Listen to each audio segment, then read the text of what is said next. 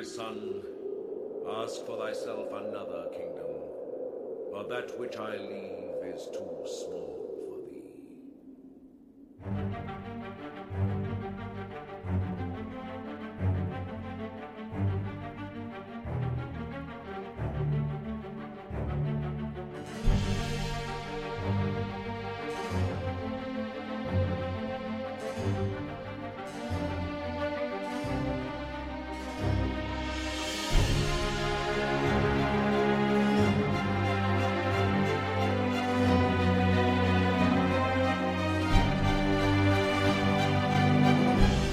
Komið sæl gott fólk og verið velkomin í sögu skoðun.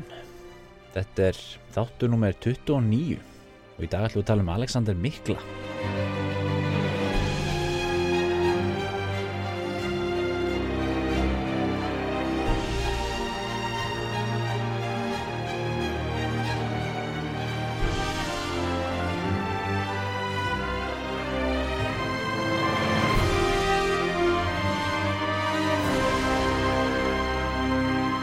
Herðu, já, sælvert Ólafur, þá erum við mættir aftur í, í sögu skoðun.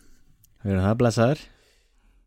Það er nú aldeilis uh, gaman að vera mættur hér aftur í, í hlaðvarp uh, og heyri þér og, og, og hérna, maður sér það nú, það er nú svona aðeins að byrja það er nú aðeins að byrja svona hérna, byrta til hjá manni svona hérna og það er jólin að nálgast og fólk er byrjað að skreita og það er að fara að koma bóluefni og Já, já. en þetta er alltaf liðkast til hjá okkur Já, já. Svona.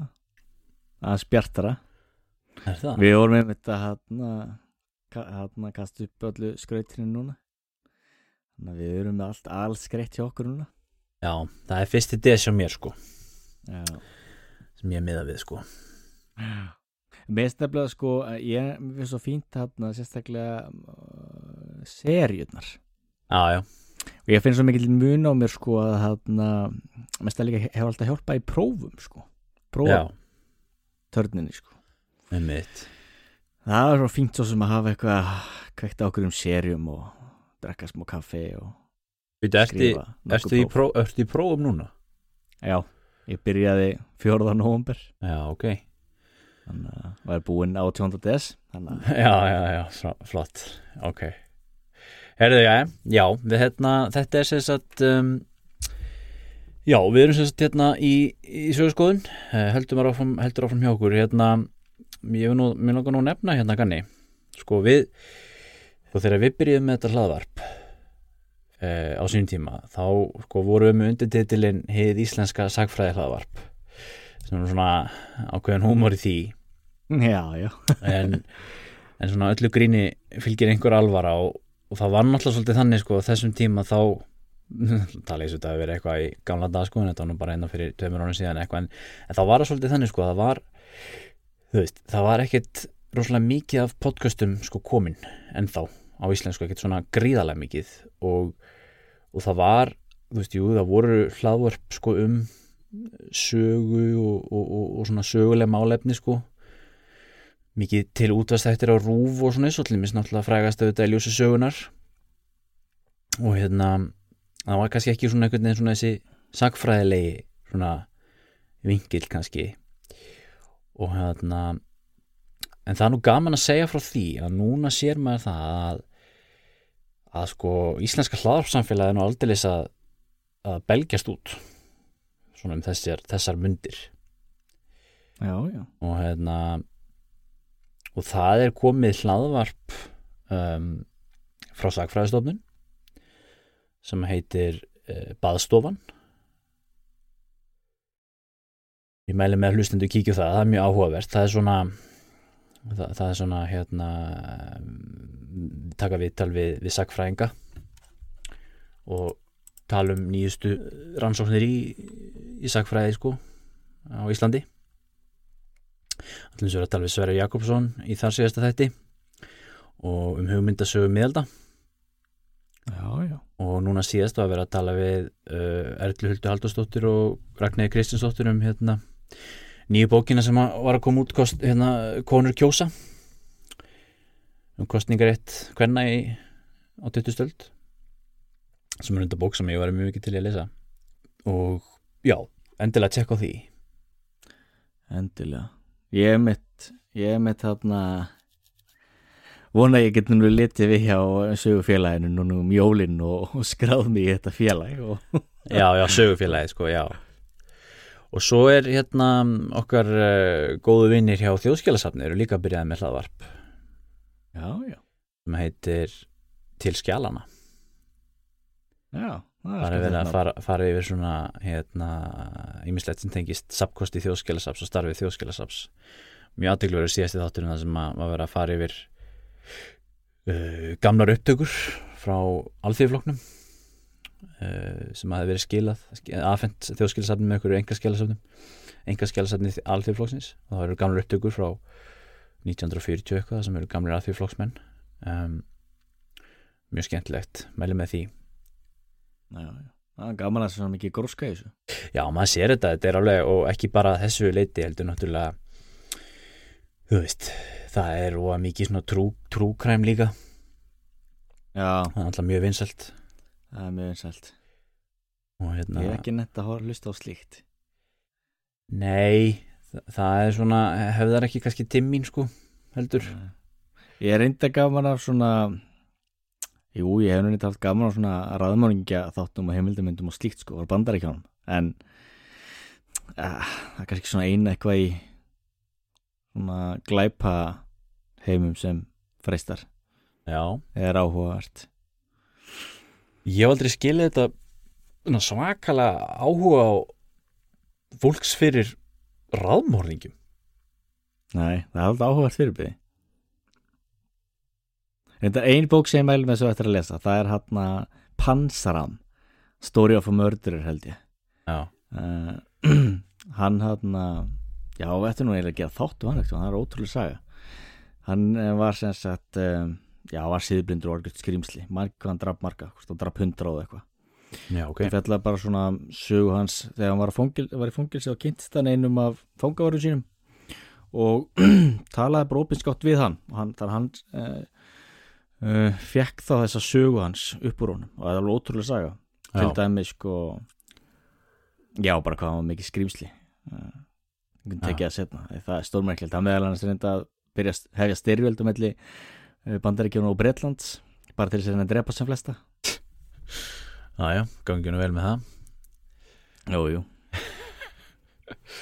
Já, já, þetta er Já, þetta er mjög vinsælt svona, svona þemu og hérna gaman að sjá það að, hérna, þetta er náttúrulega mjög skemmtilega miðl hlaðvarpið Já, það er það. Já, eins og maður líka bara sé, þú veist, eins og hann hlaðbæðars uh, Joe Rogans. Já. er nú með stærsta í dag eða ekki? Jú. eða allavega hann er mjög stort já, það er líka það sem er gott við hlaðarpi að þú hefur náttúrulega svo rosalega mikinn tíma. Þú getur farið alveg í dýftina á hinn vimsum málefnum. Já, já, þú veist, það er gallin við sjónvarsefni eins og sjónvarsefni hefur verið að þú er bara með ok, fimm mínútur, tala um þetta. Eða þessi, að þú færð e, tíu mínútur. Næ, tvær mínútur hérna. Já, þú, þú nærðingri dýft það verður allt svo yfirborskend. Náttúrulega það er eftirspurn eftir dýpra efni. Já, þannig að það er ástæði fyrir því að það er, fram, er frambúðaði líka. Mm, einmitt. Já, það væri enginn að hlusta á, öllu sér hlaðvörp þá held ég að það væri eitthvað eitthva minna að framlega Nákvæmlega. Nákvæmlega En við uh, ætlum nú að tala um eitthvað, eitthvað skemmtilegt í dag sem ekki var hlaðvarpstengt. Næ, Sko, við erum búin að vera mikið hérna í svona síðari tímum. En í dag ætlum við að tala um fornaldarsögu. Það er nú ekki höfum við gert það áður? Mm, jú, tölum við ekki um hérna mm, fall rómarska Jú, jú, jú, jú, við töluðum um það einu sinni, já. Já, já. um mitt Það er ég held að náttúrulega, það sé að eina sem við höfum talað Já. um að fornaldsög þú ert náttúrulega mikið, mikið fornaldar séni í já, ég hef mikið áhuga fornaldsög já. það er Nei, brenn fyrir henni. Já. Og hann og ég hef nú minna verið í því sko. Og ég, sko þess vegna svona heimskingjar eins og ég sem eru svona ta, svona hérna talna blindir á mínustölunar sko, við þurfum sko, það, það, það er ég við sem að tölum hérna fyrir hólósen tímatalinu. Þess að auðvölda okkur að átta okkur á uh, hvernig tíminn virkar fyrir Krist. Og hérna ég, eins og ég sagði við því hérna í morgun að ég ætla nú bara er að spá ég stopna hérna félag hérna Hólósen félagið á Íslandi að berist fyrir að taka upp Hólósen tíma, tímatalið. Já. en það er þess að tímatalið sem við bætum 10.000 árum við uh, gregorianska tímatalið. Þa- þannig að þannig að það sé- sé léttar að, að telja mínustöluðnar og eins líka það að við erum þá komin upp í þá 12.020 núna. En svo er annað í þessu, þú þarft ekki að sko, þú þarft ekki að segja sko ég fættur árið 11.965 eða eitthvað þú, þú getur sagt sko þú veist þess að þú segir fyrir Kristu eftir Krist sko, þú getur talað um sko fyrsta og annað tí ár þúsund Já. Já. þannig getur sagt sko veist, já þetta var uh, Alexander Mikli fættur hvernig var það uh, árið 9644 á fyrsta tíðhúsund hérna á fyrstu tíðhúsöld Já.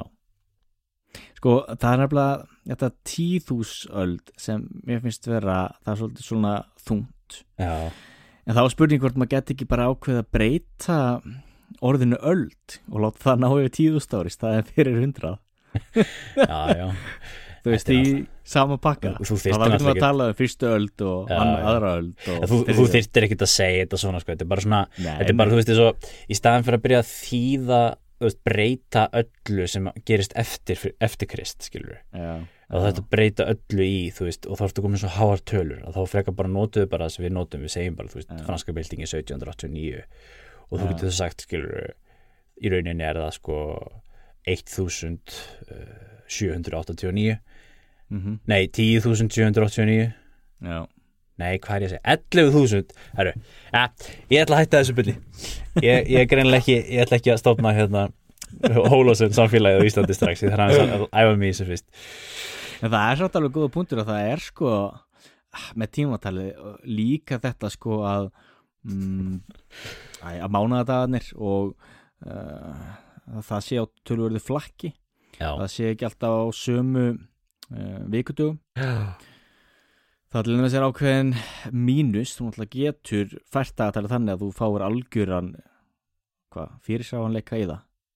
Með því að þá 24. DS lend alltaf á sama vikudegi. Já, og náttúrulega getur verið með mjög nákvæmara tímatal. Og náttúrulega það, sem hefur þróunin að tímatal hefur verið svona hægt og rólega að vera nákvæmara eins og þegar þeir fóru úr hérna júlíanska í gregorianska. Er það, var ekki þannig, það var ekki öfugt. Jú, það var þannig. Já. og einhverjir mótmælundur í Þýskalandi held ég fram að Páum verið þarna að hafa á þeim einhverja daga. Já, já. En þetta er svona, mér finnst þetta að vera þægileg leið til þess að hjálpa manni að hugsa allan á svona einfeldinga eins og mig. Og Já, ég setti upp töflu, ég sendi á þig sko bara svona til að sína þetta gamans Mhm. sko sem ég var bara búin að setja bara í Excel, þú veist, gregoriansku árin eða þú veist, fyrir Krist árin og svo yfirfæra það yfir í Hólósen ár. Já, og, og þú veist, og þá getur maður séð sko uh, líka bara því ég er vanur að hugsa í sko, þú veist, 1900, 1800, 1700, 1600 okkur, það, finnst manni eðlilegt einhvern veginn að mm, maður átt að segja á fjarlægðum í tíma og svo liðs, fattur já. þetta er svolítið svona svo stundum sko, skemmtilega, góð æfing sko, hérna, þú veist, setni heimstyrjöldin er fimm ár sko. Mm það er þá eins og fyrir okkur ef hún hefði byrjað árið 2015 og verið að enda núna. Mm, skilur hvar varst þú árið 2015 ímyndaður að veri bara búið að vera stríð síðan 2015 þetta er svona, Mhm. hjálpa manni svolítið átt að segja á sko. Já, og ég var aðeins að leika mér sko hérna því ég var að spá í þessari fornaldasögu Gríkja því við ætlum að tala um það í dag. Og þá setti ég þetta aðeins upp í svona töflu sem byrjar á þú veist hérna þegar að uh, persar hérna ráðast inn í Gríkland e, hvað þetta er grísk-persneska stríði sem er e, í kringum fimm- fimm- 500 fyrir Krist. Mm, og ef við yfirfærum það yfir í tölur sem maður er vanar að hugsa í að þá er það eins og árið sko 1500 cirka og þá getum við séð það að Alexander þegar hann er fættur 356 fyrir Krist þá er það árið 1644 það er 9644 í, í Holosen árum. Og, það, og mér er svo lett að sjá ok, þú veist, árið 1500 og 1644 þá svona sér maður einhvern veginn uh, fjarlægðina og samkvæmt þessu þá og svo er sko uh, Rómaveldi er stopnað uh, svona cirka, cirka hérna 30 fyrir Krist sem er 9973 og ef þú yfirfæri það yfir á tölu sem þú vanur hugsi í sem er þá 1973 þannig að ég myndaði sko Persaráðastinn í Greikland árið 1500 mm. Alexander Mikli tekur, leggur hundis í Egiptaland árið 1668 Mm -hmm. Rómverjar leggjundis í Greikland árið 1858 Mm. Július Caesar er myrtur árið 1956 og Rómaveldi er stofnað 1973 allt í einu bara, bara, bara, við setjum upp í svona töflu þó þetta sé bara talnabull hjálpar þetta mann einhvern veginn að sjá vegalengdan, ég var aldrei átt að með þessu. Svona almennlega því maður er ekkert, er ekkert svo mikið að spá í þessum tíma.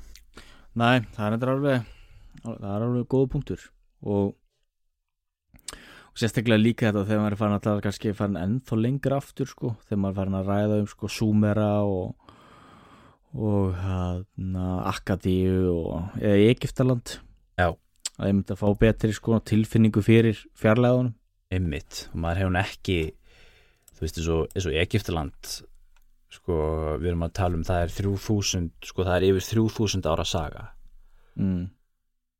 Það, það er hérna það er rosalegu tími. Veist, það, það, er, það er klikkað langur tími. Það er lengri tími Já, það, það, veist, við erum núna frá kristburði búin að vera sko tvo þriðja af þeirri leið. Mm -hmm. sem forn Egiptaland var til. Já, stórmerkilegt. Enda náttúrulega hafði Egiptaland rosalega menningarlega áhrif á Gríkland og Gríkir horfðu mikið til Egiptalands og síðan er líka áhugavert það er alveg stórmerkilegt. Og það er það að áður fyrr var Sahara eðimörkin græn. Mm -hmm. og það var, þú veist, hún var ekkert eðimörk það var þar, þú veist, hellingur á vatni og dýralíf og eitthvað svona. Og það eru uppi hugmyndir, af því það er alltaf nú að tala um eitthvað Egiptaland, eitthvað fórt samfélag að það hafi verið sko eitthvað menningarsamfélag þarna. Já, þannig að það gæti verið í Sa Sahara að séu sko fornminjar þar. Já, eftir sko þá samfélag sem við þekkjum ekkert, við veitum ekkert um. En náttúrulega það er mjög erfitt að vera um, já að leita að fornminjum þarna í svona fjandsamlegu umhverfi. Þannig að það geti verið sko þarna Já, leynist einhverjir fjársjóður já, já. Þetta er náttúrulega svo svakalegu tími sko. Já, og svo er þetta náttúrulega bara náttúrulega hinn ritaða saga sem er já, með sko ekki. síðustu 1, 2, 3, 4, 5 þúsund ár kannski. Já, og, veist, og, og það er alveg hérna og svo er það náttúrulega líka þetta með risaðlur náttúrulega risaðlur réðu ríkjum á jörðin í 150 miljón ár. Mm, manneskjan hefur verið hérna í ykkur, hvað, 150.000 ára eða eitthvað. Já, þetta er náttúrulega bara röglað sko. Já. Það er mjög merkilt þegar maður bara hugsa um þetta svona sko. Já, já. og hvað segir nú hvað segir nú síran við þessu Já, það er einmitt það. Svo, það er það, þetta er svo leiðinleg hugmynd þetta þessi ránghugmynd að uh, hvað maður að segja að sköpunarsagan sé eitthvað bókstaf eitthvað bókstafur sem eiga að tólka bókstaflega, veistu þetta er nútíma hugmynd. Og ég veit að við talaðum áður. Mm. þetta fyrst og fremst eh, kom, kom fram uh, svona um tími Darvins maður ætti að tólka þetta allt svona bókstaflega. En þetta er nútíma hugmynd og getur lesið til dæmis þarna guðfræðinga eins og hann hann Orígenes sem var einmitt í Egiptalandi Mm. Alexandriu Eh, er hann ekki uppi 400 eitthvað eftir Krist? Hann til dæmis var langt í frá að vilja vera að tala eitthvað um eitthvað svona bókstaflegar tólkanir á biblíunni. Það er bara langt í frá. Og pluss það líka að það meikar ekkert sens eins og þessi dagar sem við verðum að tala um. Já, þú veist, þú getur ekki þetta tólka það bókstaflega því sko það sem að og vegna þess að það er náttúrulega illa útskýrt hjá mér. Uh, þeir sem skrifuðu þetta voru uppteknir sér þetta á dagatalinu. Þannig til dæmis þegar talaðum um að Guð hafi skapað sko tunglið og, og sóluna þá var ekki verið að tala sko um tunglu og sólun svo við hugsum heldur er meira verið að tala, tala sko um dagatali og skipulagningun og hátíðnar og allt slíkt. Þú veist, og það er þá prestastjættin að færa rauk fyrir eigin tilvist og að styrkja sína stöðu með því að þeir þurfa að fylgja hinn um heiluðu dögum og slíkt já. þannig að þetta er svo miklu flóknar heldur en að ah, að taka þetta bara fram og lesa þetta bókstala það er alveg þvættingur Já, þetta, það var nú einhver, einhver hérna mm, prestur, uh, var ekki einhver, einhver guðfræðingur á upplýsingaöld sem að var búin að rekna út að sköpun heimsins hefði, hefði nú verið árið 5.000 fyrir Krist eða eitthvað svo leiðis. Jó, ert ekki að hugsa um hann hann Össer biskup í Bretland eitthvað staðar Ég maður það ekki. Ég held að hann hafa reiknað að það var ekki 4041 fyrir Krist held ég Já, Það er, þú veist en það er nú eins gott að sóknabötnin þín skilji ekki íslensku, Ólaður minn. Að þú sérst að tala svona frjálslega um heilaga orð. Nei, ég tala eins fráslega við þau sko Ég ætla að taka sérstakann uh, svona um, kennslutíma í fermingafræðslun eftir jól þar sem ég ætla að fara í dýftinemind á vísindum og trú og það sé ekki í andstöðu Já, Já, En það er algjör ánkumund líka. Já, já, ég skal ekki vera að stríða þér meira með þetta. Nei, nei, mér finnst mjög gaman að tala um þetta sko. Já, þetta, en, en þetta er allavega uh, markilegt fornöldin. Og, hérna, og þegar maður skoðar uh, svona fornöldina í svona veist, strekkjur út tímalínuna og, og, og, og, setur þetta upp í hólósen tímatal og þú sér það þá að, að Egiptalandi samin að sko 6.000, árið 6.000 og eitthvað og píramítarnir eru byggðir árið 7.000 og eitthvað.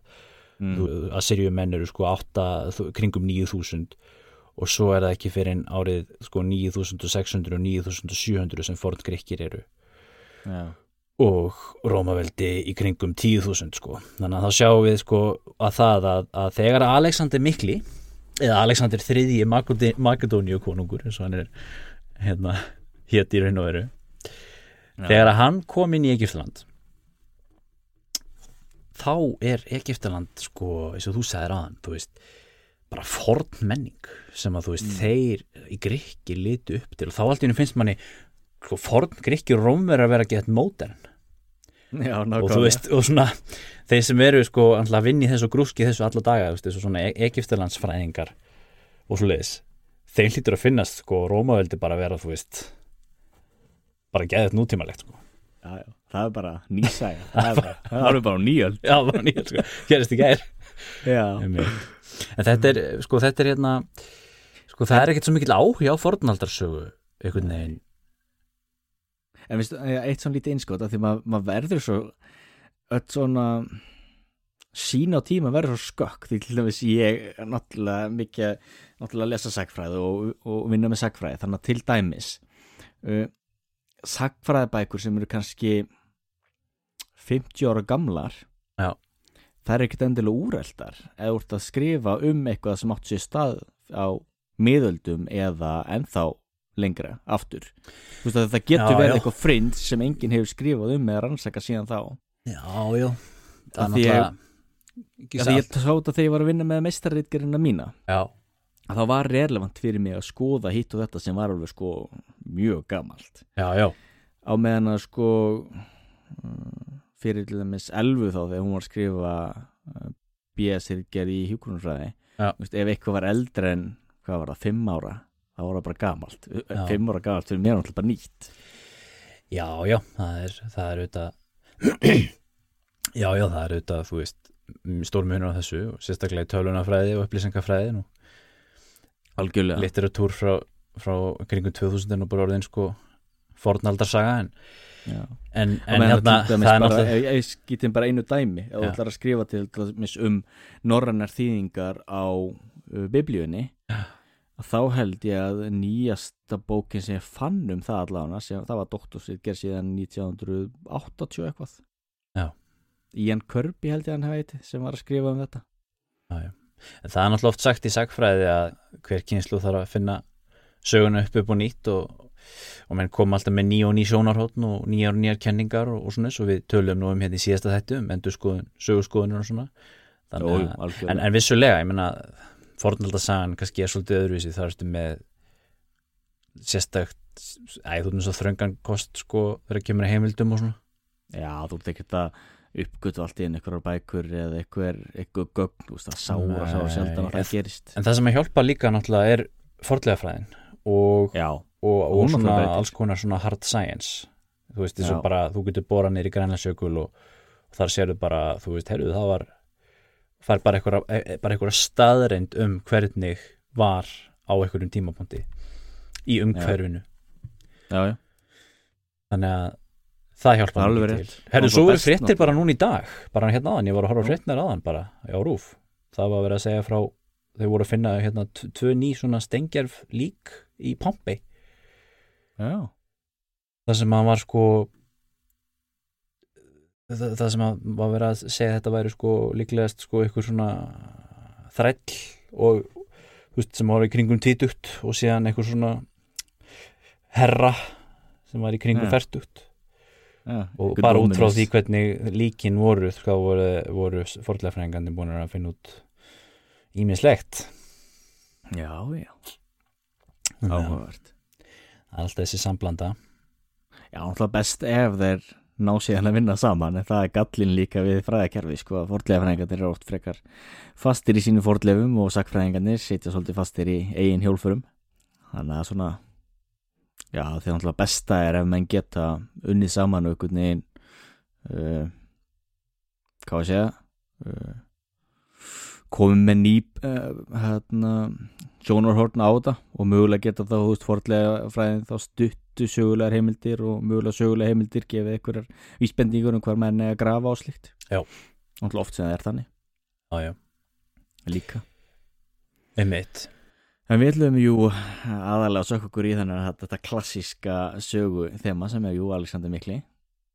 Já, segðu okkur aðeins og hlustendum svona aðeins hvað er sögusvið hérna? Svona rifjum aðeins upp þennan sem við lærðum í mentaskóla og þessa klassíska saga Þá er Jú, þá er þarna Persastriðin eru búin að vera geisa þá. Gríkir á móti persum þó að það sé reyndar líka alltaf tölver svona einföldun vegna þess að alltaf mikið gríkjum sem voru alltaf með persum í liði. Já, til dæmis eh, þarna barist ekki þeba í mannrétt með, persa, með persum. Og það var líka ákveðin skömm því Makedónia menn börðust líka með honum Xerxes persa keisara. Já, sem uh, já, varði nú freka frægur hann í 300 myndinni.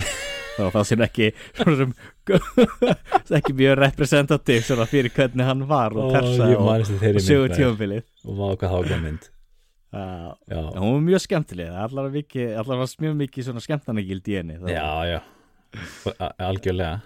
Eins og Death of Stalin líka já, nákvæmlega, það var skemmtileg mynd maður. Svona- einmitt svona satýr sko.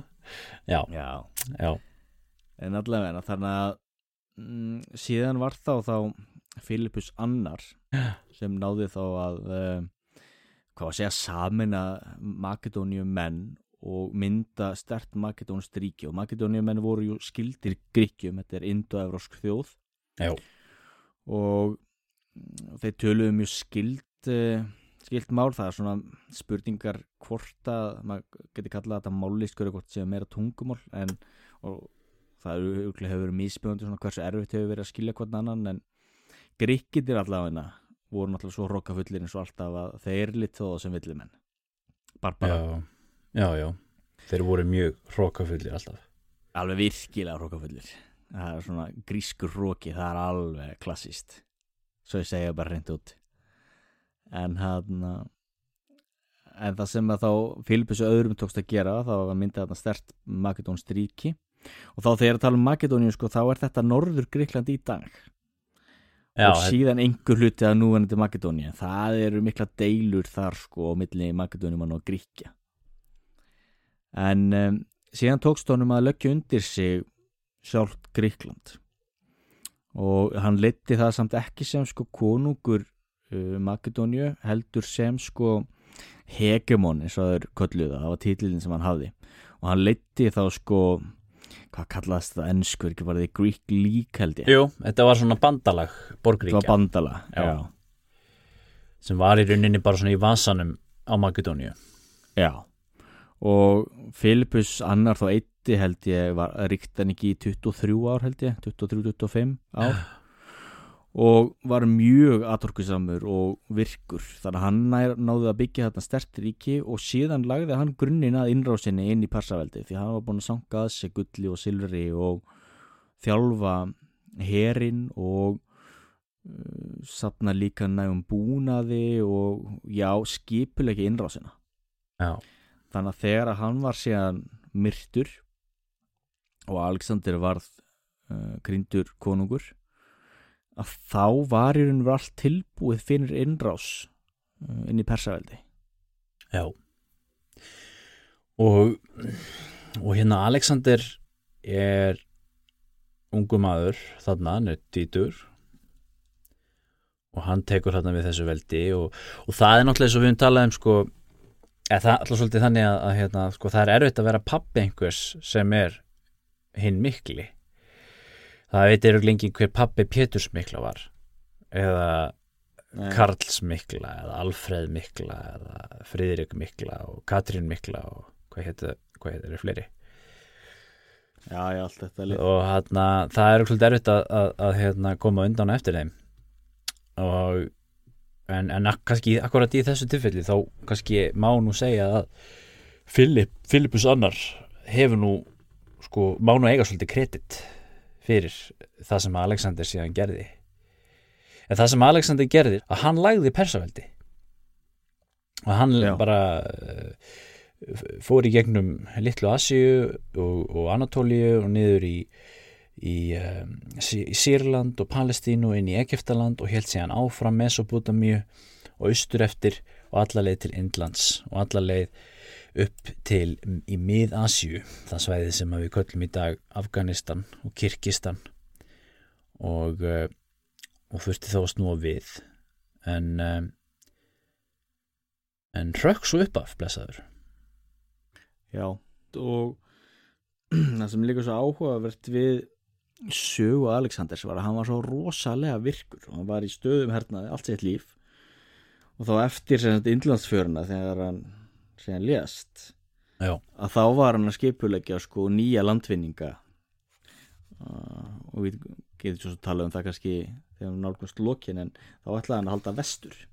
Býta alltaf hann þá ekki að fara inn í Arabíu? Jú, fyrst Arabíu og svo og svo vestur? vestur. Ok. Einmitt. En hann var þrítur eða 33 fjara eða eitthvað svoleiðis þegar hann dó. Já, ekki 32 held ég. Já, hann var sagt jafngamall og við erum núna eða þú Nei, nei, nei, nei, ekki alveg. Hann var aðeins eldri. Ekki alveg. Ég verð, ég verð 30 núna í desember. Og þú, já, þú ert svo ungur. Já, já, ég er svo ungur. Hann var jágamall og, og herra vor og herra vor Já, Jésús Kristur. Já, já, já, já. Miklir menn þarna. Miklir góð, menn. góð, Það er svona- góður aldur til að deyja á hópunkti Já, nákvæmlega, þetta er svona klassíst En það er líka svona kannski sérstaklega stertju í, í svona vestræðni menningu þetta að þetta svona hvað var að segja, deyja ungur. Já, já. Þú verður legend bara- af því. Já, verður legend af því. Einmitt, eins og John Lennon uh, dó ungur á toppnum og hann er Yep. nú sannkallað legend. Algjörlega hann er það. Líka þarna hefur James Dean? Já, einmitt James Það er alveg með, þú veist ég man ennsku í framhaldsskóla þá maður þurfti að horfa hana og Rebel Without a Cause. Já, já, og þú veist að þess að sem jújú, jú, ég hef nú séð þá mynd. Já þú horfir ekki hana ótilneitur Nei, það þurfti að neyða mig í það. En þú veist, ég tek oft eftir í bandarsku þáttum og bíómyndum og svona, þú veist, hann poppar oft upp og þú veist langt síðan hann lést. Og hann ekki bara 60 eitthvað. Jú, jú, hann er, já, já, þetta er svona svona, En hérna ég verið fleikt fram að að hérna sko hvort að Alexander Mikli sé svona stærsta legend eða sko stærsta nafnið, stærsti einstaklingurinn mm, í mannkynsögunni sem er sko veraldlegur uh, einstaklingur. Það er að segja að þú, þú tekur ekki með uh, Búta Mm. og Jésús og Múhameð mm að þá hefur, hefur því verið fleikt fram að Alexander Mikli sé, sé stærsta nafnið sko Ég get alveg trúið því því hann líka allar sögur um hann þetta, þú fundið sögur um Alexander Mikla allt frá sko Íslandi í vestri til Malasíu austri og, og Kína jafnvel Já, einmitt, það er Alexander saga sem var skrifið á Íslandi á 13. öld eitthvað svo leiðis mm. Mm. og, og hérna þú sagðist að hafa lesið þá bók ekkert Jón Jú, ég las þennan núna í sumar held ég, sumarhaust. Og mjög skemmtileg og fallegt mál. Einmitt, og þekkt fyrir það. Já. Og hérna já, og, og þessi ma, þessi arfleif Alexanders og sagan af honum og hans, náttúrulega hann var ósigraður. Hann fór, hann hann, hann átti í 20 og eitthvað orustum það sem hann, hann tapaði yngri þeirra. Mm. og hérna og, og skildi eftir sig náttúrulega mikla arfleið líka. Og hans hefur verið minnst sem þessari miklu einhvern veginn, eins og þú segir allstaðar og, og ég held að þú veist, þetta er líka einhvern veginn þetta svona þessi ímyndinu minnan svona sem leggur sko persaveldi eða líka eitthvað við það sko sem er svo Mm. ríkt í svona vestrætni sagnareitunarhefð sem er einhvern veginn þessi, þessi eh, glíma á milli Evrópu og Asíu sko Gríkja og Persa uh, sem að einhvern veginn sko uh, og, og, og, og það er svo, svo stórt þema finnst manni sko Já, er það. En það er náttúrulega líka sko austrið, Asia var alltaf svo margvælt ríkari heldur nokt sem vestrið. ah. Þannig að þú sér þetta líka hjá rómvörunum setna mér. Það er alltaf þessi rosalega sko eða sem ég myndi kalla ákveðin svona aðdáun og brennandi áhugi fyrir austrinu. já, já, eins og til dæmis að hérna, latnest orðatildæki er það ekki hérna ex oriente lux eða þetta úr austrinu ljós já, já. Og þú veist og það þá vísa til sko það vísar jú þá til þessara menningaströma og áhrifa og þess aðdráttarál sem austrið hefur alltaf haft. Já. og það er alltaf hluta því að okkur Alexander vildi fara austur og, og dugðunum ekkert að vera að fara bara til Persju heldur vildi hann alltaf til Indlands og til endimarka heimsins sem á þessum tíma heldu gríkir að Indland væri sem austasti hluti jarðar. Já, og það er alveg rétt sko, það er alltaf verið þessi miklu áhuga því þannig að þessi samfélög í austrunáttu voru mikið eldri og voru mikið fjölmennari og ríkari og, og náttúrulega framandi ímsu leiti eins og bara þetta þegar þeir mættu fílum til dæmis á Indlandi já, já. og en að því við erum að tala um jú árleið Alexanders, það sem er líka áhugavert er að árleið hans er ekki bara sko svona jákvæð hjá vestarærum þjóðum heldur líka í sko arabískri sagnaritun til dæmis og persneskri sagnaritun þá er Alexander mjög mærður og uh, skrifaður í sko jákvæðu ljósi. Já. til dæmis sjá hérna arbönum og þá hérna byggðan moskur og, og var svona já, já, hugað alla Já, hann kemur náttúrulega fram í kóranunum líka, eða ekki? Jú, það Já, minnir mig. Ég nú ekki hvar eða í hvað samhengi en jú En hann að, Og líka hjá, þú veist, indverjum sko, indverjar tala líka jákvæðum sem er mjög áhverð því Alexander sko náttúrulega var algjör böðull fyrir mikið af þessum þjóðum. Já, en uh, líka því við erum að tala um þetta jú mikli sko að og ég var alveg til að genið spjalla um það eftir að taka Filipus annan aðeins að því sko það sem er svo áhugavert er að hann var mikið stórmenni líka. Og ég meira segja rakst á bók sem ég ætlaði að lesa. Ég hef ekki ennþá haft tíma til þess. Það sem að sakræðingur heldur því fram að hann hafi nú verið stærri heldur en Alexander. Sérst, meira stórmenni það. já, meira stórmenni. Já, já, já.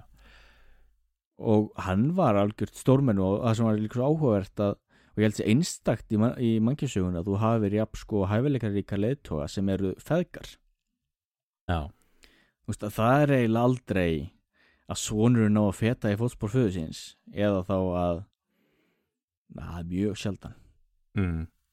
En þá ertu komið svolítið út í þetta með hérna orsök, orsakasamíki og hvernig getur útskýrst þetta sem gerðist þarna að því að, að við höfum talað áður hérna í þessum þætti um svona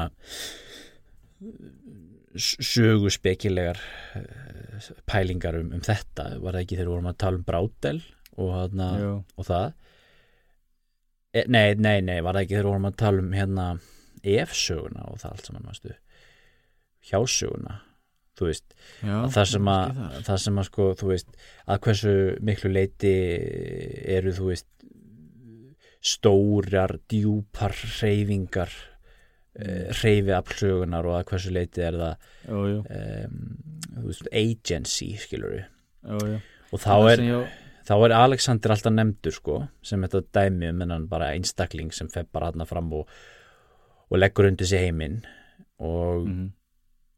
og þá finnst manni rétt að spyrja sko er pappans var búin að gera þetta þú sagði nú eitthvað tíman kannski hefði nú pappans bara gert þetta ef hann hefði ekki verið myrtur sko kannski hefði pappans Mm. bara lagt persaveldi þessast Já.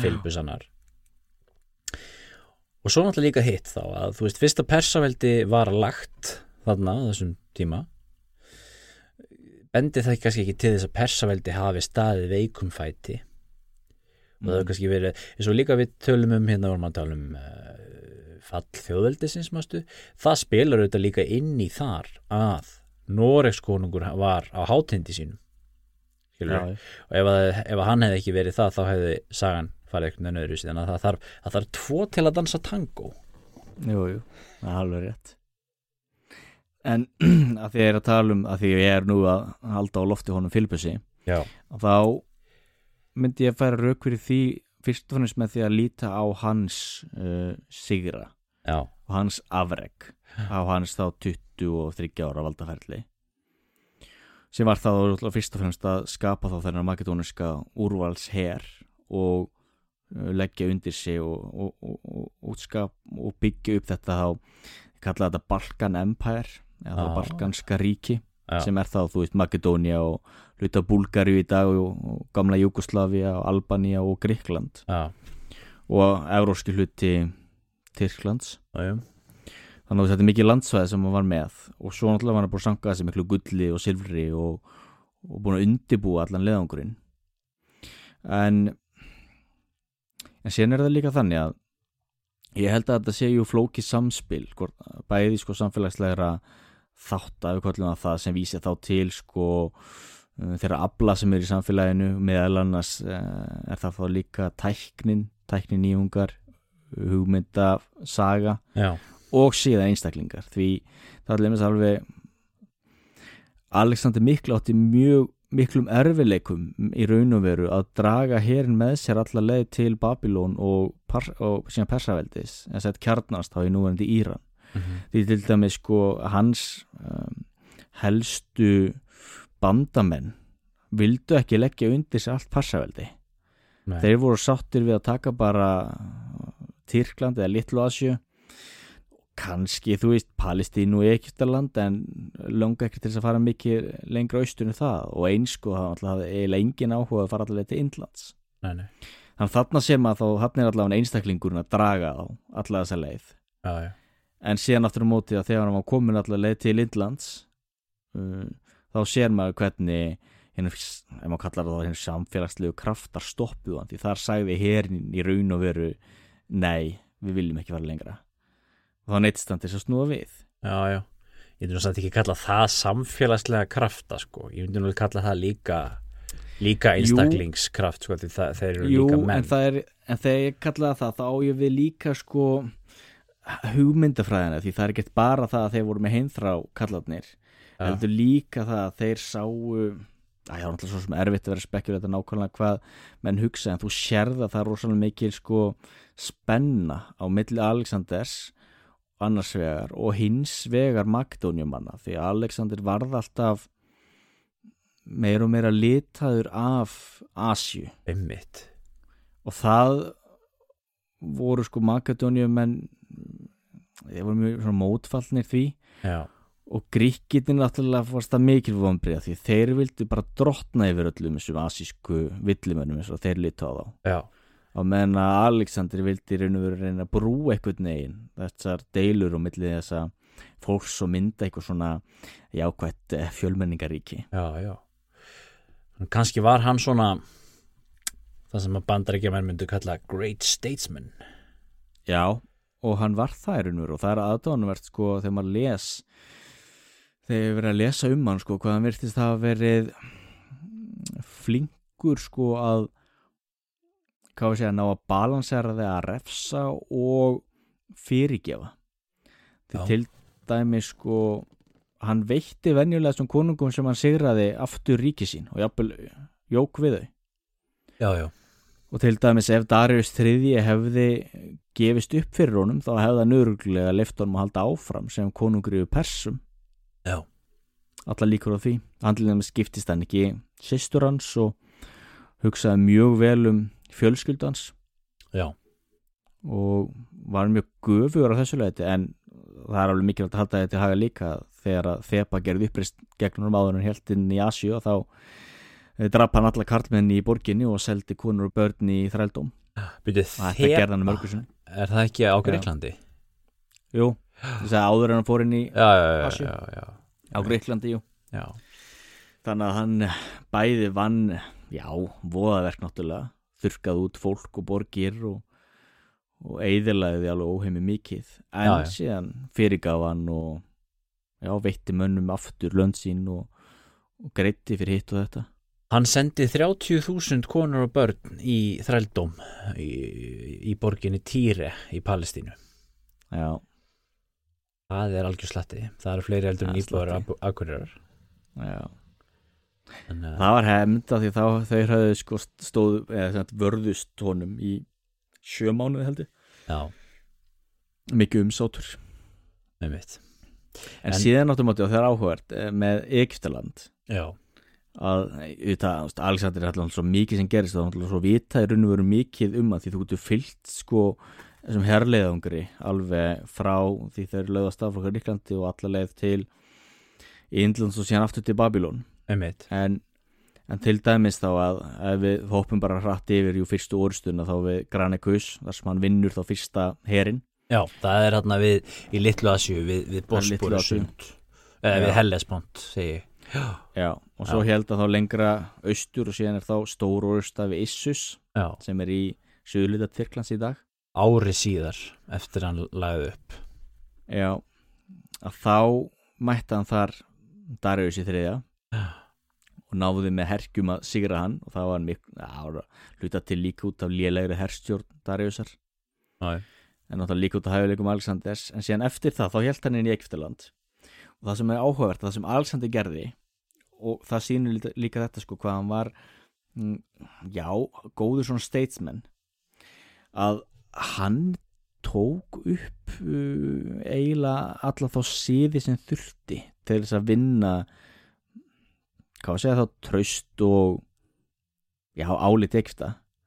Því til dæmi sko að Apis nautið sem var heilagt í Egyptalandi Egyptalandi var alltaf með ákveði naut sem var valið á hverju ári mann rétt, sem var þá allavega kannski einhver ára fresti eða hvort það var á hverju ári.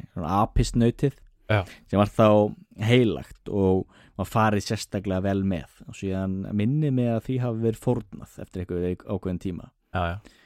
Eða hvort það var hugað að því og þá dó sjálfdöða en næ, mann ekki nákvæmlega en allavega apisnautið var heilagt Já, já.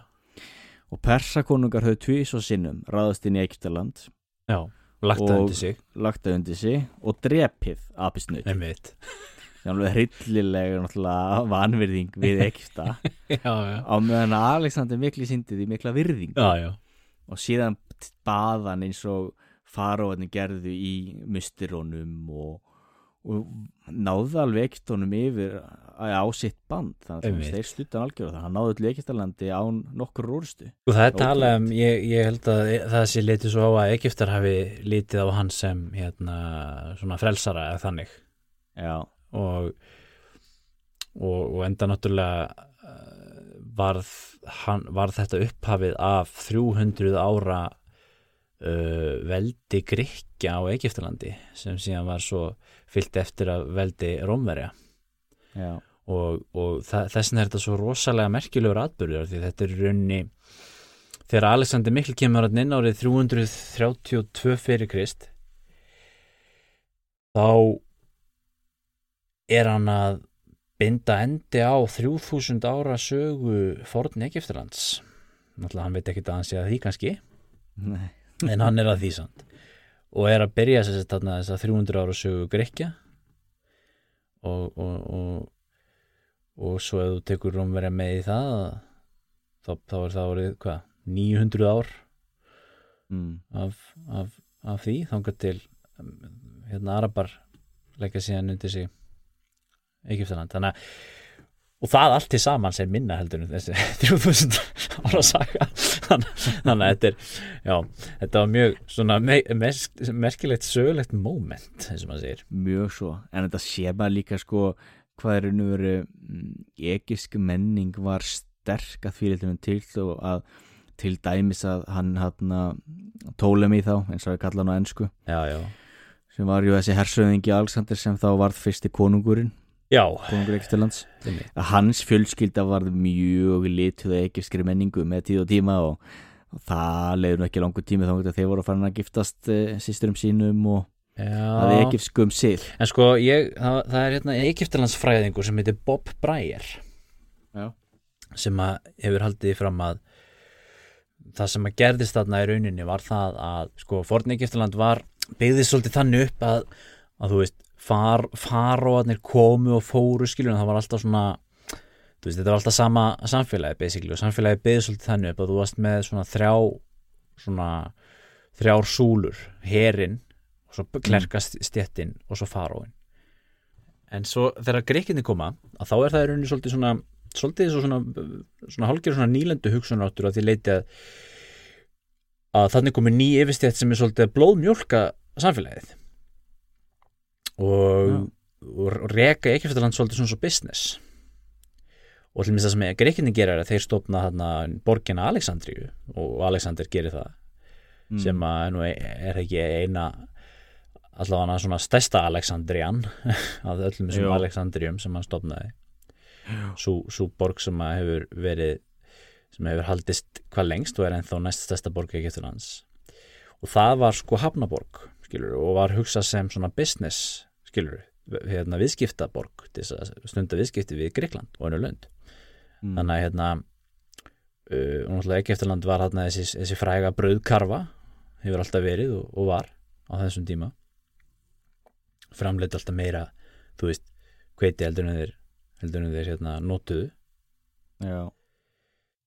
Og þarna og þetta hafi orðið til þess þá í fyrsta sinn þarna skiluru í þessi 3000 ár að það er ekki lengur verið að móka pening í, í klerkastjættina skiluru og þannig að þó að þeir hafi í rauninni viðhaldið þessum gömlu fornu trúabröðum og þessari fornu menningu mm -hmm. að þá veist, þá er þarna einhver breyting í samfélaginu sem gerir það verkum að þetta byrjar að deyja smátt og smátt út og þá deyja trúabröðin smátt og smátt út og svo deyir tungumáli smátt og smátt út en það er samt þannig að Þetta var líka svona ákveð svona til þess að gera nýlendu samlíkinguna sterkari þá, veist, þá var alltaf þannig að greikinni voru svona elita sem bjói í Aleksandríu á meðan allir hinnir sem byggu annar staðar í Egeftalandi voru Egeftar, Egeftar sko og Aleksandríu mm. var alltaf grískborg þar var grískmenning Jú. og það er runni sko Kleopatra sem var uppi á tímum Rómverja. Það er að segja hvena var hún aftur uppið þarna í kringum Július Cæsar og þetta allt saman Jú. hún er síðasti síðasti hérna leittói tólumíska Egiptalands og hún er jafnframt fyrsti þessast fyrsta af þeim öllum þjóðhengjónum sem að lærir egipska tungumóli Já. annars höfðu þið alltaf bara að tala grísku sko. en hún læri það ekki sem móðumál sko.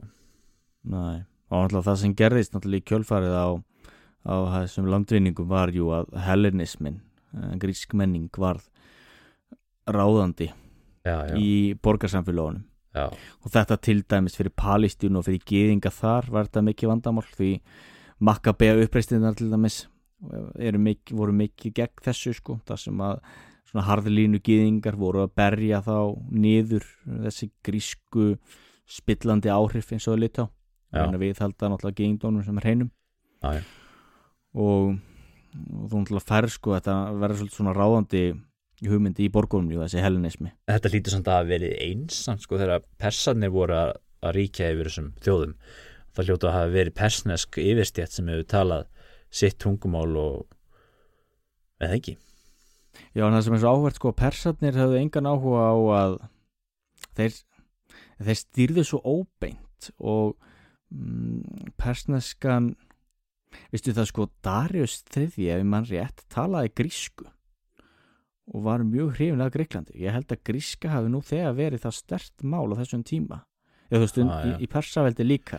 Já, já, þannig að sérðu. En já, að þið til dæmis sko náttúrulega verðum að hugsa, muna það til dæmis uh, vesturhlutin þá að Tyrkland dagsins í dag þetta voru allt grískar borgir Já, já, og hluta persaveldi. Já, já.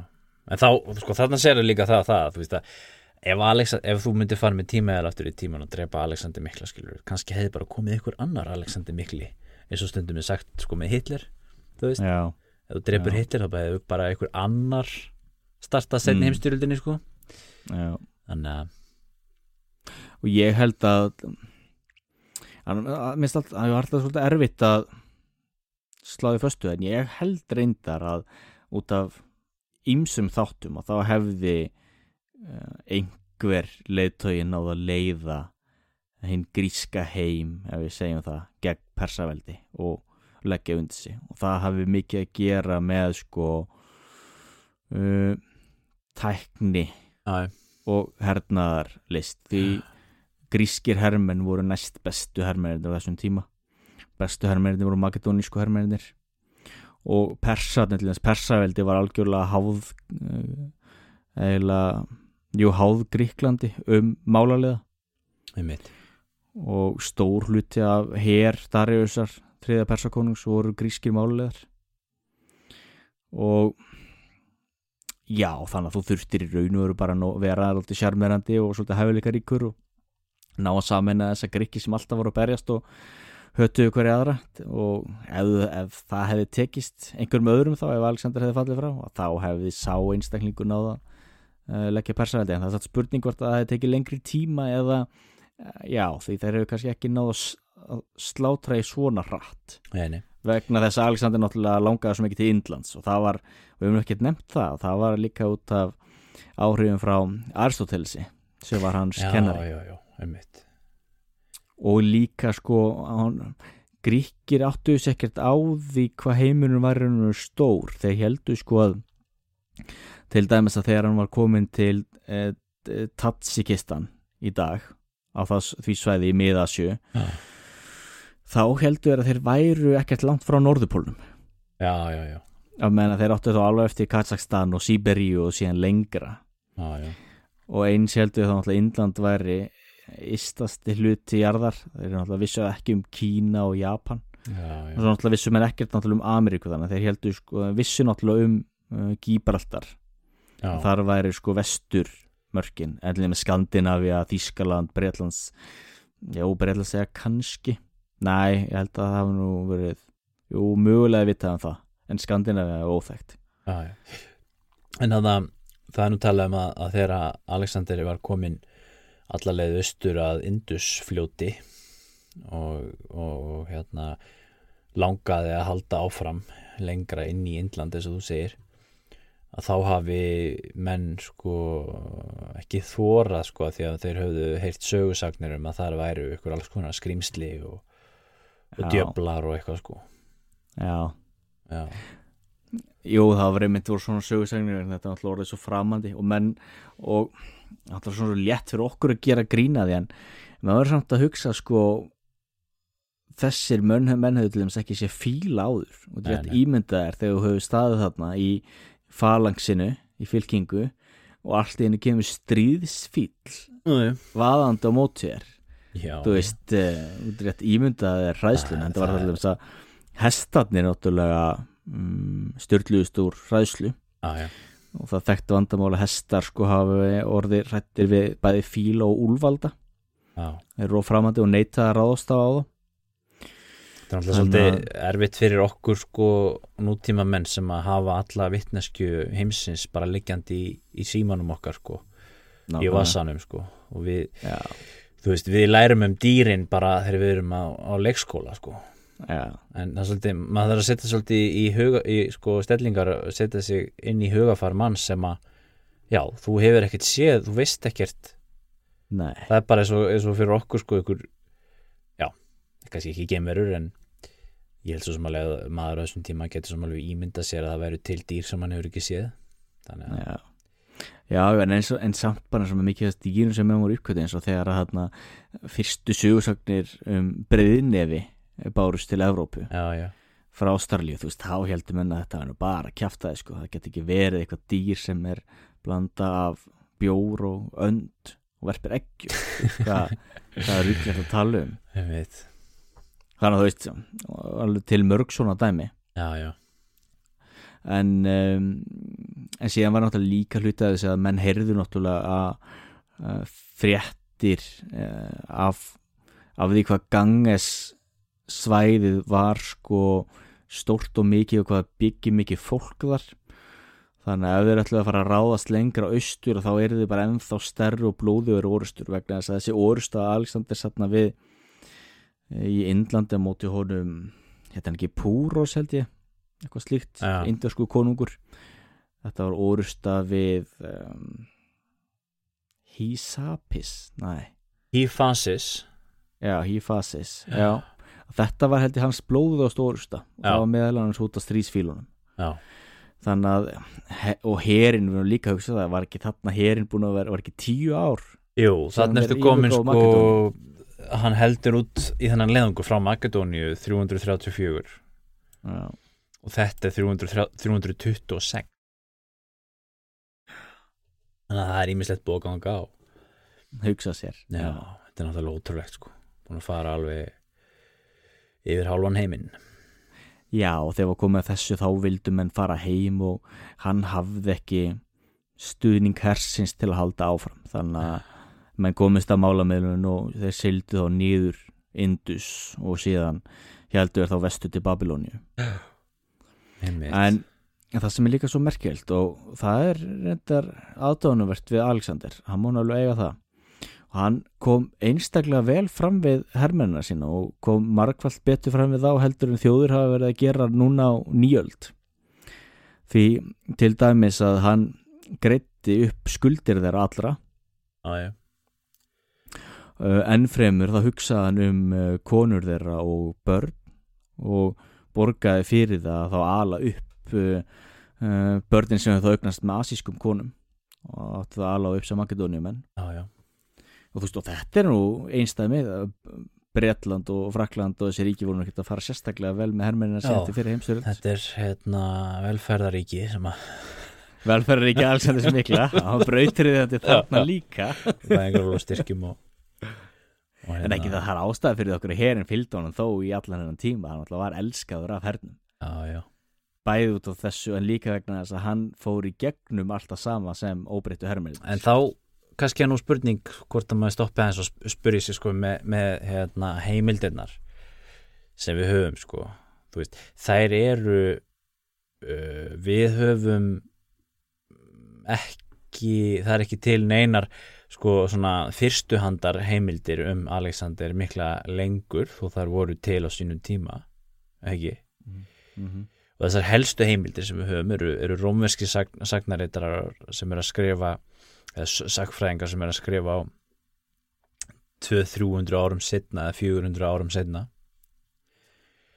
Já, og þá ertu komið svolítið út í sama vandamál og, og hérna þegar við vorum að tala um landnámu. Að sko hvert er heimildagildið sko. Og við höfum svo sem rætt þetta áður þetta er náttúrulega þetta, jú, jú. En þeir voru með frumheimildir. Já, eitthvað allavega já en þær eru samt heim, sko þær, þær eru þessir aðal heimildamenn hana, Plutark og Ar, hann, Arrean eða Arreus rómversku sagfræðingar, þeir eru báðir mjög svona hlýðhóllir honum sérstaklega Plutark, ekki? Er, er ekki sérstaklega hann sem er svona tala um svona móralskt e, þú veist, síð, fella gildistóma og svoleiðis að tala um Alexander sem persónu hinn er svona aðeins meira aðeins meira svona lókiskur sko. Jú, og þannig að Plútark var meira að skrifa sko æfisugur sem veit maður náttúrulega draga sko lærdóm af. Já, um, Jú, og síðan var líka þessi rómerski sem varst að nefna, var ekki Arja jú, Arrian held ég og hann nefnt var mjög já, að mæran en samt gaggrínd hann líka sko fyrir jú, hann alltaf dæmd hann út frá sínu samtíma. Þannig að til dæmis að þegar að Alexander hann var reyður þá eða, ja, var nú ekki reyður en þegar hann ákvaði að hefna uh, Gríklands og ákvaði að hefna fyrir það þegar, þegar persar brendu að þennu þá brenda hann niður Persapólis sem var þá eina höfuborgum Persaveldis. Já, já, þá saði Arjan að þetta hefði verið ítla gert og þetta hefði hann ekkert að gera. Já, já, já. Hann Já, var ég sé að þetta reyndar en núna samt, Arrian þú er grískur en hann er samt að Já. skrifa á tímum veist, hann er að skrifa eftir Krist sko þannig að, Jú, og var í þjónustu Rómaveldis. Já, já, já, En jú, jú, en það er eins og ég nefndi hérna áðan að það er flestir tala jákvætt um Alexander. Já, já, og það er náttúrulega litar sko heimildirnar. já. En það er náttúrulega líka það sem sakfræðingur þarf alltaf að gera maður þarf alltaf að hafa í huga sko hvað hva hagsmunur líkja að baki. Einmitt. Og það gildir raun og veru líka um nútíma sakfræðinga sko þegar þeir eru að skrifa. Þá var talað um að, að hann hérna Ptolemeus sem að Já. stofnaði stofnaði Ptolemeus mesíska ríkið í Egiptalandi af þessum hersöðingjum að sagði Alexanders hann að hann er einn af þessum frumheimildamönnum Já, og það er hann að uh, og það er þá vantalega glatað uh, hans rit upprunalega en jú, það er glata Já, og svo var náttúrulega Alexander líka með svona hirðsagnarritara með sér mm, sem að um, voru þarna til þess að skrifa söguna. Já, og þú hefur nefnt hérna, þú sagði við mig áðan hérna einhverja dagbækur líka jú, það var þeir skrifu heldur dagbækur þá sem var skrifa þá hvað menn gerðu og voru að brasa og, og líka þá mm, það sem snerti þá að kom, hafði með hernaðin að gera. Já, Uh, þannig að mm, til dæmis sakfræðingurinn sem ég var að lesa hann um, heitir Hammond og skrifaði Alexander the Great, King, Commander and Statesman. Hann talar mikið dálítið um þessa dag- dagbækur og, og, og heldur því þá fram að það hafi gert honum tólum í kleift til dæmis að, að skrifa svona nákvæmt já, um hvað hann upplýði en síðan er þetta, þú veist að jú, ef maður það ég sé ekki alveg, þú veist, hvað maður ætti að vera sérstaklega efast um í heimildunum sem eru til. Því, jú, það sem maður sér það sem er náttúrulega góðsakarnir eins og þegar að Filipus gægðist inn um uh, gægðist í gegnum held ég skráagattiðin í herbyggi hjá, hjá Olympius uh, Olympias eiginkonu sinni og sá hana þar í já, ha, þar sem hún var að hafa mök við snák. Þetta veit maður, jú, að það er nú eitthvað setni tíma uppspunni og þátti snákur veit? seifur, hver veit sko. Hver veit? En til dæmis þegar að Alexander varð ástfóngin af henni Roxanne til dæmis í þetta mið Asju hvort sem það var í, ég man ekki Tatsikistan eða því svæðinu. Já, já, og giftist henni. Uh, sé ekki ástæða til að efast um það að það hafi verið einhver mögulega einhver ást Já, því jú, jú, pappina var konungur og allt það en hann var ekki svo mikilvægst konungurinn. Já, en jú, jú, þetta Æ, ég er samt svona Þú ert svona aðeinsfari trúgjarn á fornheimildir. Við, það, það, það er svolítið meðan ég er svona eðlisfæri skeptískur á það. En það er náttúrulega ég hef ek- ekkert sko neitt eh, fyrir mér í því sko annað en maðurtilfinningu bara sko. Já, en það er líka sko það er ekkert allir munur á okkur og fornmönnum. Þannig að sko ef þú ætlaði virkilega að ljú ykkur og vera með einhvern uppspuna þá var það ekkert eitthvað sem þú hrindi bara fram úr erminni. Það, að var fullt af fólki sem upplýðis atbyrði já. þannig að þú veist, það hefði strax verið gaggrínt og jú, þá getur ykkur bent á jú, að kunni ekki allir að lesa og verður ekki allir læsir. Jú, það er alveg rétt, en allar þessar bækur og lesnar upphátt. Já, já, en þú veist, svo líka breytist líka, þú veist, þegar bara svo kvísluleikurinn, sko Já, já, Já, já. en þetta er með svo mikið að munnum Já, sem voru mitt í öllum þessum atbyrðum Já, já, og þeir líka náttúrulega tala líka um neikvæða hluti eins og við vitum það að Alexander hann í ölæði drap þá þarna einn af þessum félögum sínum mást hvað hann hétt Kle, kle eitthvað? Klethas Kallist Kallisthenes. Já, já, já, það er svo, er, það er svo tungubrjóta mikil Já, já. grísku nöfnum. Við vitum það allir svo það er náttúrulega er, uh, það er ekkert jákvætt. Það er náttúrulega alveg ömur að hann að vera þarna ykkur fyllir í, drepur þarna vinsinn já, já, hjælt að hann að- að eitthvað að skipulega eitthvað launráðvísi síðan kemst hann að því að nei það stóðst ekki og síðan liggur hann þá og grætur og neytir ekki matari þér á daga já, já. Smá, smá djammisku bit þar. Djámiskubit Úff. Já, pínu. En það var líka orðrómur þess efnis að hann hafði sko drepið föðu sinn. Já, já, en eh, Einmitt. ég trú ekki að vera nokkur fótu fyrir því. Og þá myndi ég færa rauk fyrir því eins og til dæmis að horfa á uh, menningu þessa tíma. Föðurmorð var versti glæpur sem hann gast framið já. uh, Alexander virðist að vera mjög frómur hann alltaf var mjög upptekinn á því að uh, byðja og hérna, sérstaklega færa fórnir og mjög upptekinn af Já. svona trúarlu já, já. Hann, einmitt þegar hann kom til Egyptalands þá um, sko það er svolítið skemmtileg saga vegna þess að við tölum einmitt um að Napoleon hérna um daginn sem fór til Egyptalands og hann, að Napoleon var náttúrulega mikill maður líka og oft, oft, oft eru þeir tveir nefndir í sömu andrá já, sem einn af þessum, svona, uh, stó, stórmennum.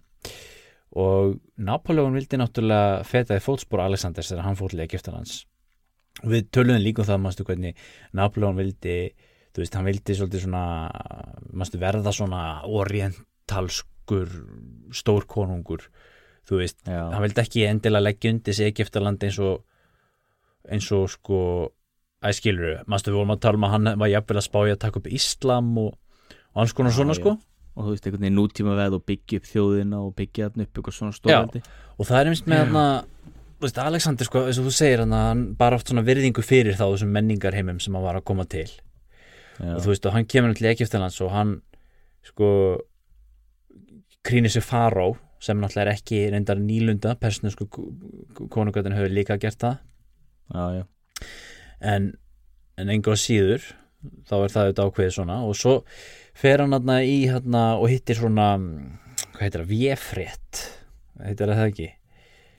Svona hérna e, spákona spák, já. Er, er, ekki, er ekki frægast að hérna í einhver. jú, já. Og þetta er sagt eh, eitthvað svona egifst um, eða svona hálf, hálf þetta er nú reyndar að tala um að þetta hefur verið seifur en samt alveg lengst inn í eðmörkinni já.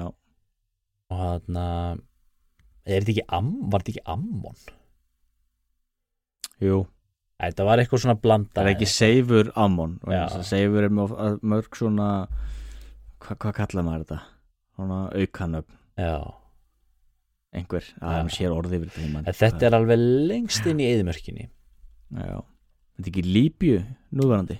Jú, jafnvel sko að því það er líka stór hlutu og maður getur náttúrulega að tala helling um það sko, það er líka Alexander góðsögn og hann náttúrulega lifði líka sem góðsögn því til dæmis uh, eitt af því sem hann gerði þegar hann lendi þá í Evrópu, nei, Tyrklandi að þá til dæmis hélt hann til Tróju og þar fekk hann skjöld sem átti að vera var ekki skjöldur uh, Hektors Já, sem hann bar alltaf inn með sér orustur hann alltaf var eitthvað svona var með eitthvað blæti fyrir þessari sögu hann alltaf Jú, hann alltaf var líka bæði af Seifi kominn og Herkulesi. Já, já, og hann, hann var í raun og veru svona hálfgóð já, lítið á sig svolítið þannig.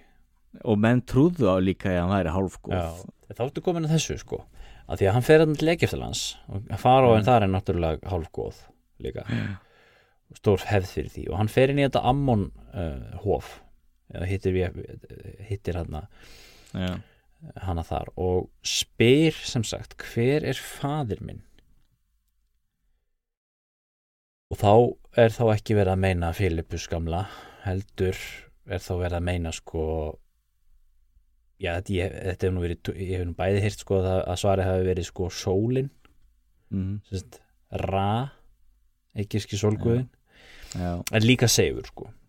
Já, og þetta var sagt þá svona ok, hérna þá veit ég það, ég er Guð mm. skilur, ég, ég er hérna, hef fengið staðfestning á því að ég er meir en mennskur. Og svo um þetta því þú talaður um hérna aðan sko uh, Gríkjunum eða Makedónimönunum þeim, þeim list alltaf verð og verð á það hvernig hann var að hegða sér meira og meira eins og persnesku konungur. Að þetta fylgdi svolítið því að hann fór að vera meira og meira svona uh, larger than life. Já, maður og það var vist einhver algjör hérna uh, náði hámarki þegar hann hérna aukurum tímpunkti bað á um að framkvæma aðtöfn sem að pessakonungar höfðu, höfðu, höfðu gert sem er að, sem er að láta þegna sína uh, leggjast svona killi flata svona alveg á gólfið mm. og kissa tætnar Mm. Sem er svona siður sem að grikkir sko, kannski stundu hérna í, sem svona trúasiður sko. og, og þá var alltaf að tala um að grikkjum sko, mislíka alltaf hvernig persar væru að gera þetta við kongin sinn sko. þetta þótti svo niðurlægandi sko. þótt svo niður og yfirlæti, yfirlæti á konginu sko. Er, er, og þeir neitu að gera þetta já, og þarna sérður líka mikið menningamun á austru og vestri já, já.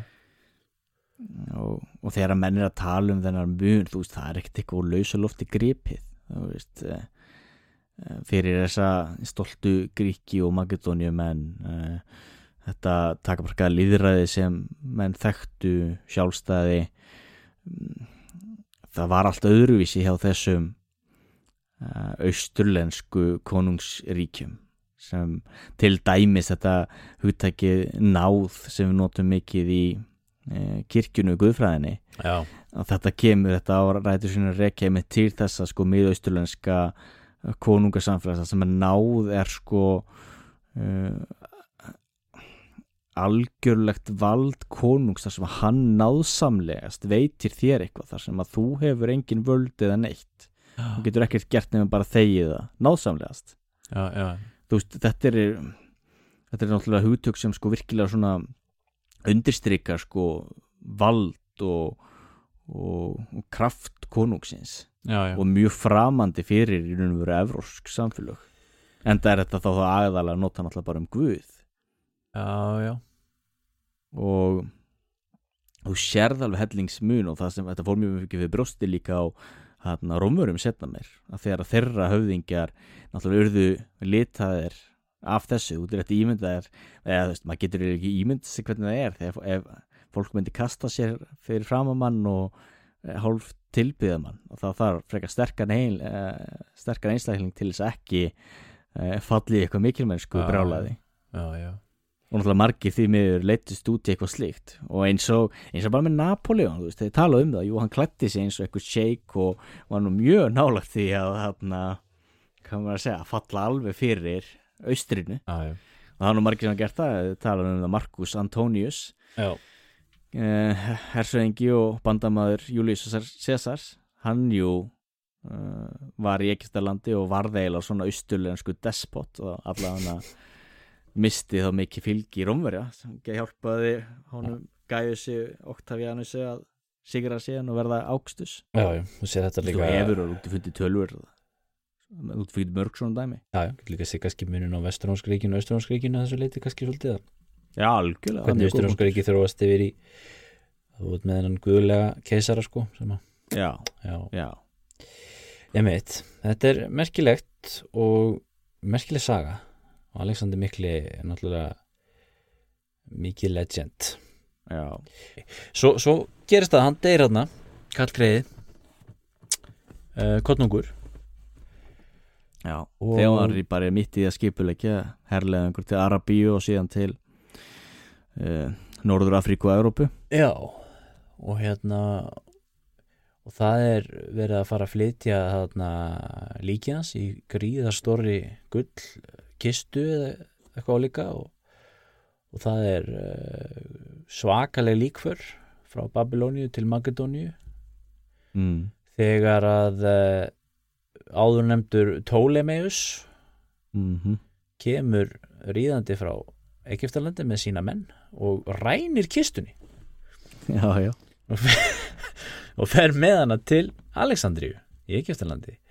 Já, og þar á víst kistan að hafa verið e, í grafísi ykkur, ykkur ár og eitthvað en svo tókst mér um að týna henni eins og öðru þarna í Alexandríu. Frækt bókasafn þar sem týndist líka já, já. Þannig það eru sumir sko sem hafa ennþá svona smávón, dreymir allan kannski meira um það að mögulega gæti nú þessi gröf hans fundist. Já, en uh, það er nú litlar, litlar líkur á því. Nei, nei, nei, nei. það er það hefur verið mikið svona spekulasjónir einmitt í kringum þetta. Já,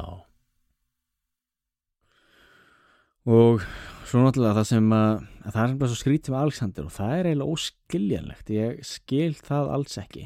Uh, af hverju hann ekki giftist makedóniskri mm, aðalstúlku þá og egnaðist erfingja. Hann átti erfingja Alexander Fjörði Jú, en þeir komu allt of seint og hann giftist En hann var allt of líka. nei, nei, nei, nei, nei, bróður hans var þroskaheftur Já, bróður hans var já, að því sko hann eignaðist jú son með henni Roxanne en hún var held í áttamánuði gengin þegar að Alexander lést. Þannig að hann var bara barn. Eða þess að fættist þá bara skömm eftir að pappans lést Alexander. Og sko þannig er að tala þannig að Alexander er sko hvað 32 já, þú veist auðvitað átt hann að giftast strax sem 19 ára gamall eða 20 allafana og byrja að setja í gangur einn eignast erfingja. Filipus annar giftist fimm eða sjö sinnum til þess að tryggja sér erfingja og tryggja framtíð makedónska ríksins já. en Alexander gerði það ekki Nei. og það er alveg stórmerkilegt nei, nei, kannski hefur hann verið hann var náttúrulega átt í ástasambandi við þarna kallmenn Ójú, þannig að það hefur kannski já, það er nú kannski ekki þvælst fyrir mönnum á þessum tíma? Nei, nei, það þótti eðlilegt vegna þess að konur voru bara til að regna spörn já, já, og þú varst á frekar í ástasamböndu við uh, menn eða helst uh, unga stráka. Það var lenska á þessum tíma. Lenskan sko. En þarna e, þeir koma til hans félagarnir og spyrja hver á að vera erfingi þinn? Þá á hann að hafa sagt sá hinn sterkasti. Já, já, eða eitthvað líka. Svo segir sagan, já. Og þarna og við sjáum það að heimsveldi Alexanders brotnar upp í hvað, fjóra parta eitthvað svo leis mm. stærstu og merkilegustu veldi náttúrulega var Sel Selúsíða veldið í, í, í Mesopotamíu og, og hérna við botn miðarhafs og síðan tólemiska veldið í Egiptalandi og svo náttúrulega einhver er, erfingi þarna í Makedóníu og Greiklandi Mhm. og þessi ríki lifðu alveg eins og við tölum aðan um í 300 ár eða svo. Og, og þarna blómstræði grísk menning og, og hérna og ekki bara í Alexandriu í Egiptalandi, heldur víðar. Og það hafa fundist sko grískir, grískar fornminjar í það sem er nú er Afganistan Já, það var blómlegt gríst konungstríki, Baktrija Einmitt, bakterja, því og mjög hérna skemmtileg og svona falleg blanda af því af sko búttisma og grískri list. Það Já, er sko já, að mjög flottir gripir. Og það meira að segja sem að að ykkur vísir að því að svona grísk eh, listræn áhrif hafa borist allt eh, austur til Kína. Já, til dæmis þá realismi í svona í þá kínveskri mm, list. Já, og það er þú veist áhvert líka mér finnst það ofta gaman að hugsa um það sko, hvað er til þess að þetta bakteríuríki hefði uh, hvað maður segja haldið út til lengur? Já, já, þú veist, ef það væri einhvern veginn en ekki það, það er fólk í Afganistan í dag sem kallar sig uh, afkomendur uh, makedóniumanna og þetta fólk er bláegt og Nei. ljósært eins og makedóniumenn þú lígur þessu maður Já, það finnst fólki í Afganistan sem er bláegt og ljósært og og kalla sig sig afkomendu Makedónium hana já, já. Er Ég þannig veit ekki hvort það hafa verið gerðar sko erða rannsóknir á þessu. Nei, nei. En Það er vist í ykkurum það er þá Já. aldeilis maður hafi verið ald, og maður getur aldeilis flett því upp, sko, afdala afdala bændur. Já. Ég maður þegar ég var að vinna á, á safninu í, í þröndimi þá var, var þar svona flökku síning uh, frá Ja. Afganistan sem voru að vera að sína mitt alls konar svona greipi sem að sem að hafi fundist þar í Ja. jörðu sem voru grískir bara og frá þessu bakteríska veldi. Já, það er mjög áhugavert samfélag. Mikið langar til að lesa meira um það en ég áttu átti erfileikum með að nálgast uh, bókmentir um bakteríu. Já, það hefur verið svona á lista hjá mér það ég brennandi áhuga á því. Einmitt en þetta er svo áhugavert það er með blönduð á búddisma, hellenisma uh, öruglega einhvern sko ættbalk á samfélögum þarna í kring. Spurning hvort að hinduismi og indversk áhrif hafa ekki líka verið til staðar. Já, já, Já. já, já, algjörlega. Og það er líka það sem gerir þessa landvinninganslögu svo spennandi sko, það er þessi blanda sem varst með svona mörgu menningarsamfélög sem er að hittast allt í hennu og eru mjög svona intenst uh, að versla og, og jú, berjast og en samt líka giftast og, og hafa áhrif hvert og já, annað já, einmitt en er náttúrulega líka áhverð að hugsa um það sko, hvað hefði gerst ef hann hefði ekki látist uh, og hvort hann hefði þá ekki lagt undir sig Arabi já, og það er nú Evrópu. sko. Brotir Rómaborga og bakaftur Þa, þá eru aftur komin að hérna, John Lennon hérna, dæminu, sko, þá hefði hann kannski endilega verið þessi svakalegi legend, sko, því þá hefðu kannski ykkur aðri hlutir komið í ljós sem að Já, eins og til dæmis eins og til dæmis, sko, þetta með að vera harðstjóri og svona, sko. Já, hætta á því. Það er eitt af því. Og, og einmitt, aðtilvægt ef hann hefði farið til dæmis vestur, eins og segir, sko. Lítalíu eða inn í eða inn í þú veist, norður eftir eitthvað. Það ég las liðum þess að etrúskarnir hafi sendt sko sendibúða til hans Já, ég las það líka að, að, að, einmitt til Babylon eða eitthvað. Þá komum þaðan sko sendibúðar allstaðar að meira segja gölverjar og, og, og frá Íberíu og eitthvað sko. Já. Já, og þá, að því það er stór hluti sko af um, hæfileikum Alexander mikla var hversu vel hann skipulagði um, herrferðunar því það sem var líka og maður getur alveg tala um það, ég einmitt fann bók sem fjallaði bara um það, um lógistíkina fyrir herin já, hvernig það skipulaði sko uh, kornbyrðir uh, burðardýr og allt þetta. Ég verði að viðkjanna að það var hundleðileg lesning þannig að ég las nú bara hana, uh, conclusion. En, Já. hana, en það var stór hluti náttúrulega af þessum s- af, eða stór hluti af því af hverju makedónski her, herin var svona effektífur og af hverju hún tókst að sigra? Þetta er náttúrulega merkilegt að fyrirbreyði þessir gríðastóru herir fornaldar og hvernig lógistíkin í, í kringu það og, og þá ekki, ba- og ekki, ekki bara þetta líka bara veist, persa, persarnir skilur með sína mm -hmm. sína svakalögu heri og, og hérna forni giftur og allir sko. Þú þú, þú ert kannski með ykkur sko, þú veist, 30.000 manna her Mm og bara þú, þú ferð ekkert með hann hvert sem er, þú þarf náttúrulega að fara þar sem er matur skilur og þar sem er vatn.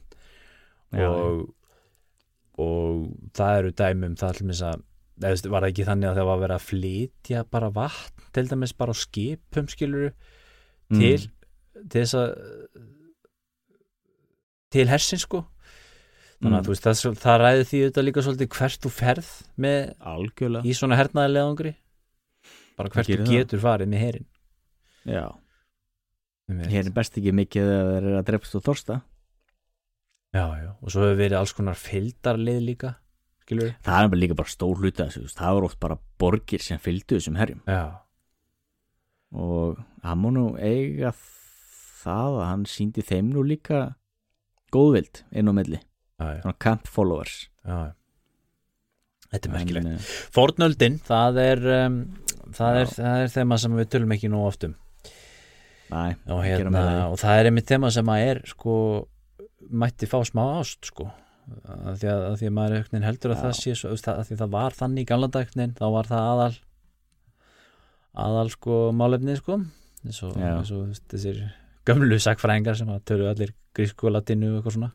Já, já, en í dag að þá eru þá eru það fáir sko sakfræðingar sem er að sérhæfa sig í fornaldarsögu. Og, já það er fáir og hann að maður sér það bara á, á, á þeim sem eru hvað, hvað fólk er að skrifa um ritgerðir og, og svona í sakfræðinámi og sliðis til dæmis. Mm. já, einmitt. Ég hef mitt sko að hérna við háskólinni í Oslo sko. það er einmitt fáir sem er í þessu. Já.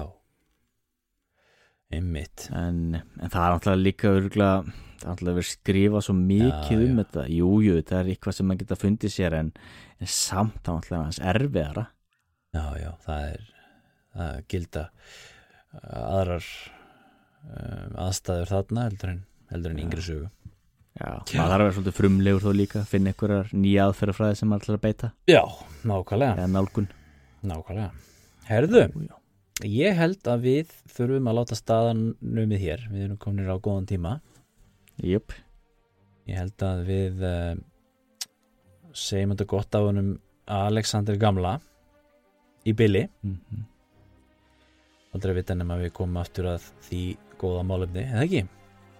já, jú, endilega. Já, þá snúum við aftur hér í næsta þætt af sögu skoðun þar sem við ætlum að ræða með eitthvað allt annað eða er vel frá öðrum tímum eða öðrum heimslutum gera það, Já, þá þökkum við fyrir okkur í dag og uh, verið sæl. Verið sæl